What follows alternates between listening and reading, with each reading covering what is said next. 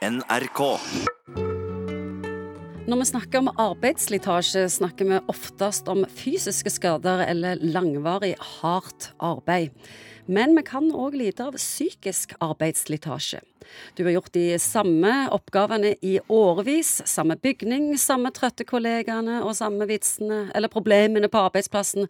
Og du er lei og umotivert. Tar det kanskje en sykemelding her og der, som egentlig ikke var helt tiltrengt. Psykolog Egon Hagen, har du noensinne hatt det sånn? Jeg har vel kanskje i perioder kjent at det, det har kosta mer eh, enn jeg har smakt. Og det tror jeg de fleste vil kjenne seg igjen i. At det, dette arbeidslivet vårt er liksom ikke en sammenhengende opptur. sånn at det, det er dager som er tyngre enn andre.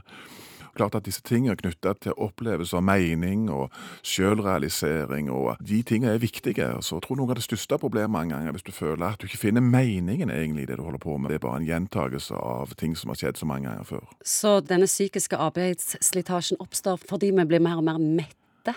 Mette eller føle at det er ikke de utfordringene, de muligheter for forandringer og vekst som du egentlig er på jakt etter. Husk på det at sånn kunnskapsmedarbeidere som oss, som ikke jobber i industrien eller den type ting, eh, så er opplevelsen av mening og sammenheng og muligheten for å lære nye ting, forandring, faktisk noe som oppleves som en viktig kvalitet ved jobben. Og hvis du føler at du nå er kommet i en sånn langtidsparkeringssituasjon, så er ikke det noe særlig kjekt. Det er mye forskning som viser at det å være låst i kroniske situasjoner hvor du ikke finner dørene ut, er noe av det mest eh, helseskadelige som finnes. Hvem har ansvar for det? Du kan jo skylde på samfunnet og jobben og alt det. Med, Sjefen eller meg sjøl? Ja, du tar grep sjøl. Ikke bli en del av denne sytekulturen. Ikke bli ende opp i denne kos med misnøyegjengen. Eh, Alt var mye bedre før og alt dette. Du tar noen grep sjøl. Si at du trenger utfordringer.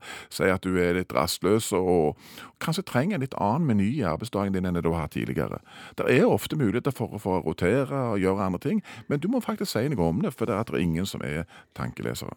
Og det er mange som eh, sliter med dette. Jeg gikk inn på Google, søkte på 'lei av jobben', og det kom opp 630 000 treff. Hva, hva forteller det deg? Ja, nei, ja, Det er lurt å tenke på mange ganger på alternativet òg. Vi er jo litt sånn på grensen kanskje til å være litt eh, bortskjemt. Jeg har jo snakket om det før òg, at når jeg i den tida jobbet med amerikanere, så sa de at dere er litt lite ambisiøse og tar ting litt for, for gitt. Kollegene mine er borte de trekker pusten hvis de tar to ukers ferie. Så vi er kanskje litt mette og kan fort bort begynne å sutre over ting som nødvendigvis ikke er, er så helt reelle. I USA så er ambisjonen i jobben i Skandinavia ambisjonen mer ferie. Ja, det er litt det. sant? Så vi må liksom, vi må kalibrere litt grann forventningene. Og så må du tåle at det er noen Det er ikke alltid du skal være like sånn eh, sprutmotivert heller. Finner jeg i det. Sånn er det noen ganger. Trenger jo noen hvileskjær av og til. Ja, hvileskjær òg. Tåle å kjede seg litt. grann. Det det vi sier til ungene. Noen ganger er det litt sånn eh, Det er ikke akkurat det aller kjekkeste å skynde seg litt langsomt og tenke igjennom før de begynner med for dramatiske ting. Men hvis du blir værende i dette over lang tid, så er ikke det spesielt bra. Og Da kan du gjøre noe sjøl for å endre utfordringskartet ditt, sånn at du får brynt deg på en annen måte og får lært noe nytt. For det, det liker vi, vet du. Når vet du om du skal slutte i jobben? Ja, det er litt avhengig av arbeidsmarkedet òg, sånn som det er her, eh, spesielt i Stavanger, hvor jeg holder til. Jeg sier stolthet gir ingen makt. OK, er det noe der ute, da?